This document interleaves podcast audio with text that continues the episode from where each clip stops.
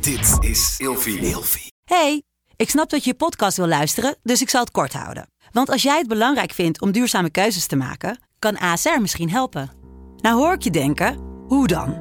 Nou, bijvoorbeeld bij het duurzaam herstellen van schade. Of de premies die we beleggen volgens ons duurzaam beleggingsbeleid. Dat bepaalt waar we wel en juist niet in investeren.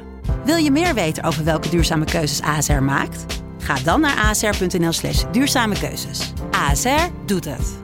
Zo, dan kan je nu lekker naar je podcast luisteren. Of je nu samen slaapt of alleen, een goede nachtrust is essentieel voor een goede relatie met jezelf en de ander. Emma Sleep komt nu dan ook met een hele fijne korting, waardoor je koninklijk kan slapen. Met de code RELATIEVRAGEN in hoofdletters krijg je 10% korting bovenop de 50% korting die je nu krijgt op het bed dat ik bijvoorbeeld heb. De Emma Storage Deluxe Boxspring. Handig voor als je goed wil slapen en extra opbergruimte wil. Dus ga snel naar emmasleep.nl en bestel jouw bed. Ik ben Inke Nijman en ik deel graag als relatietherapeut en seksuoloog mijn gedachten met jou in deze podcast. Goed maak seks. De een is er onwijs bedreven in, terwijl de ander zich er geen voorstelling bij kan maken. Goed maak seks.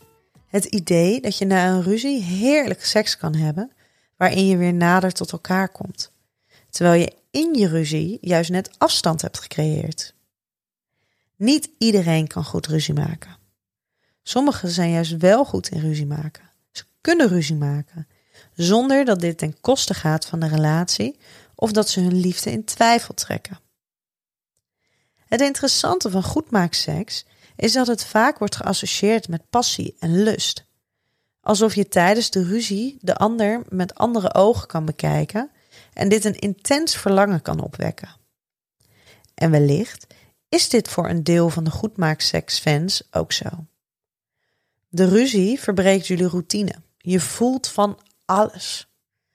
Uit van alles naar elkaar toe en hierdoor kan er oprecht ruimte komen voor een verlangen naar de ander.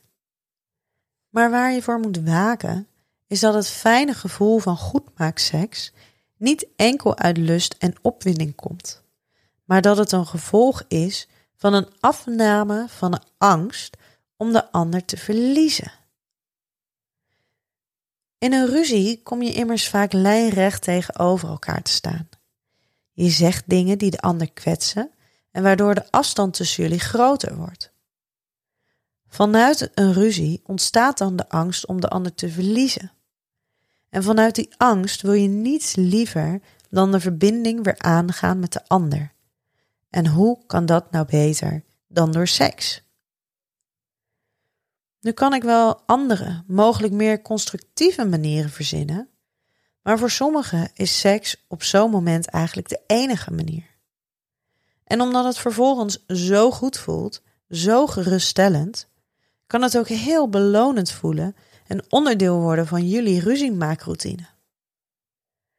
En hoewel elk stel zijn eigen manieren van ruzie maken moet ontwikkelen, evenals het goed maken ervan, wees je er wel bewust van dat er dus verschillende vormen van goedmaakseks zijn. Eentje waarin je ineens allerlei emoties intenser beleeft en zo ook het verlangen naar je partner.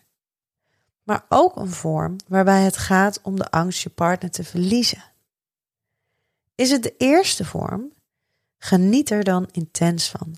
Maar realiseer je ook dat er dus kennelijk een moment als dit nodig is om je partner echt weer even te zien staan en jouw eigen gevoel daarbij toe te laten. Is het de tweede vorm? Weet dan dat er ook andere manieren zijn om de verbinding met je partner weer aan te gaan. Praat met elkaar. Geef elkaar een knuffel. Laat elkaar even gaan en zoek elkaar daarna weer op om er maar een paar te noemen. Dat je ruzie maakt wil niet zeggen dat je je partner verliest. Een stabiele en veilige relatie zou een ruzie aan moeten kunnen. Tenzij het er ondertussen een hele bol zijn geweest.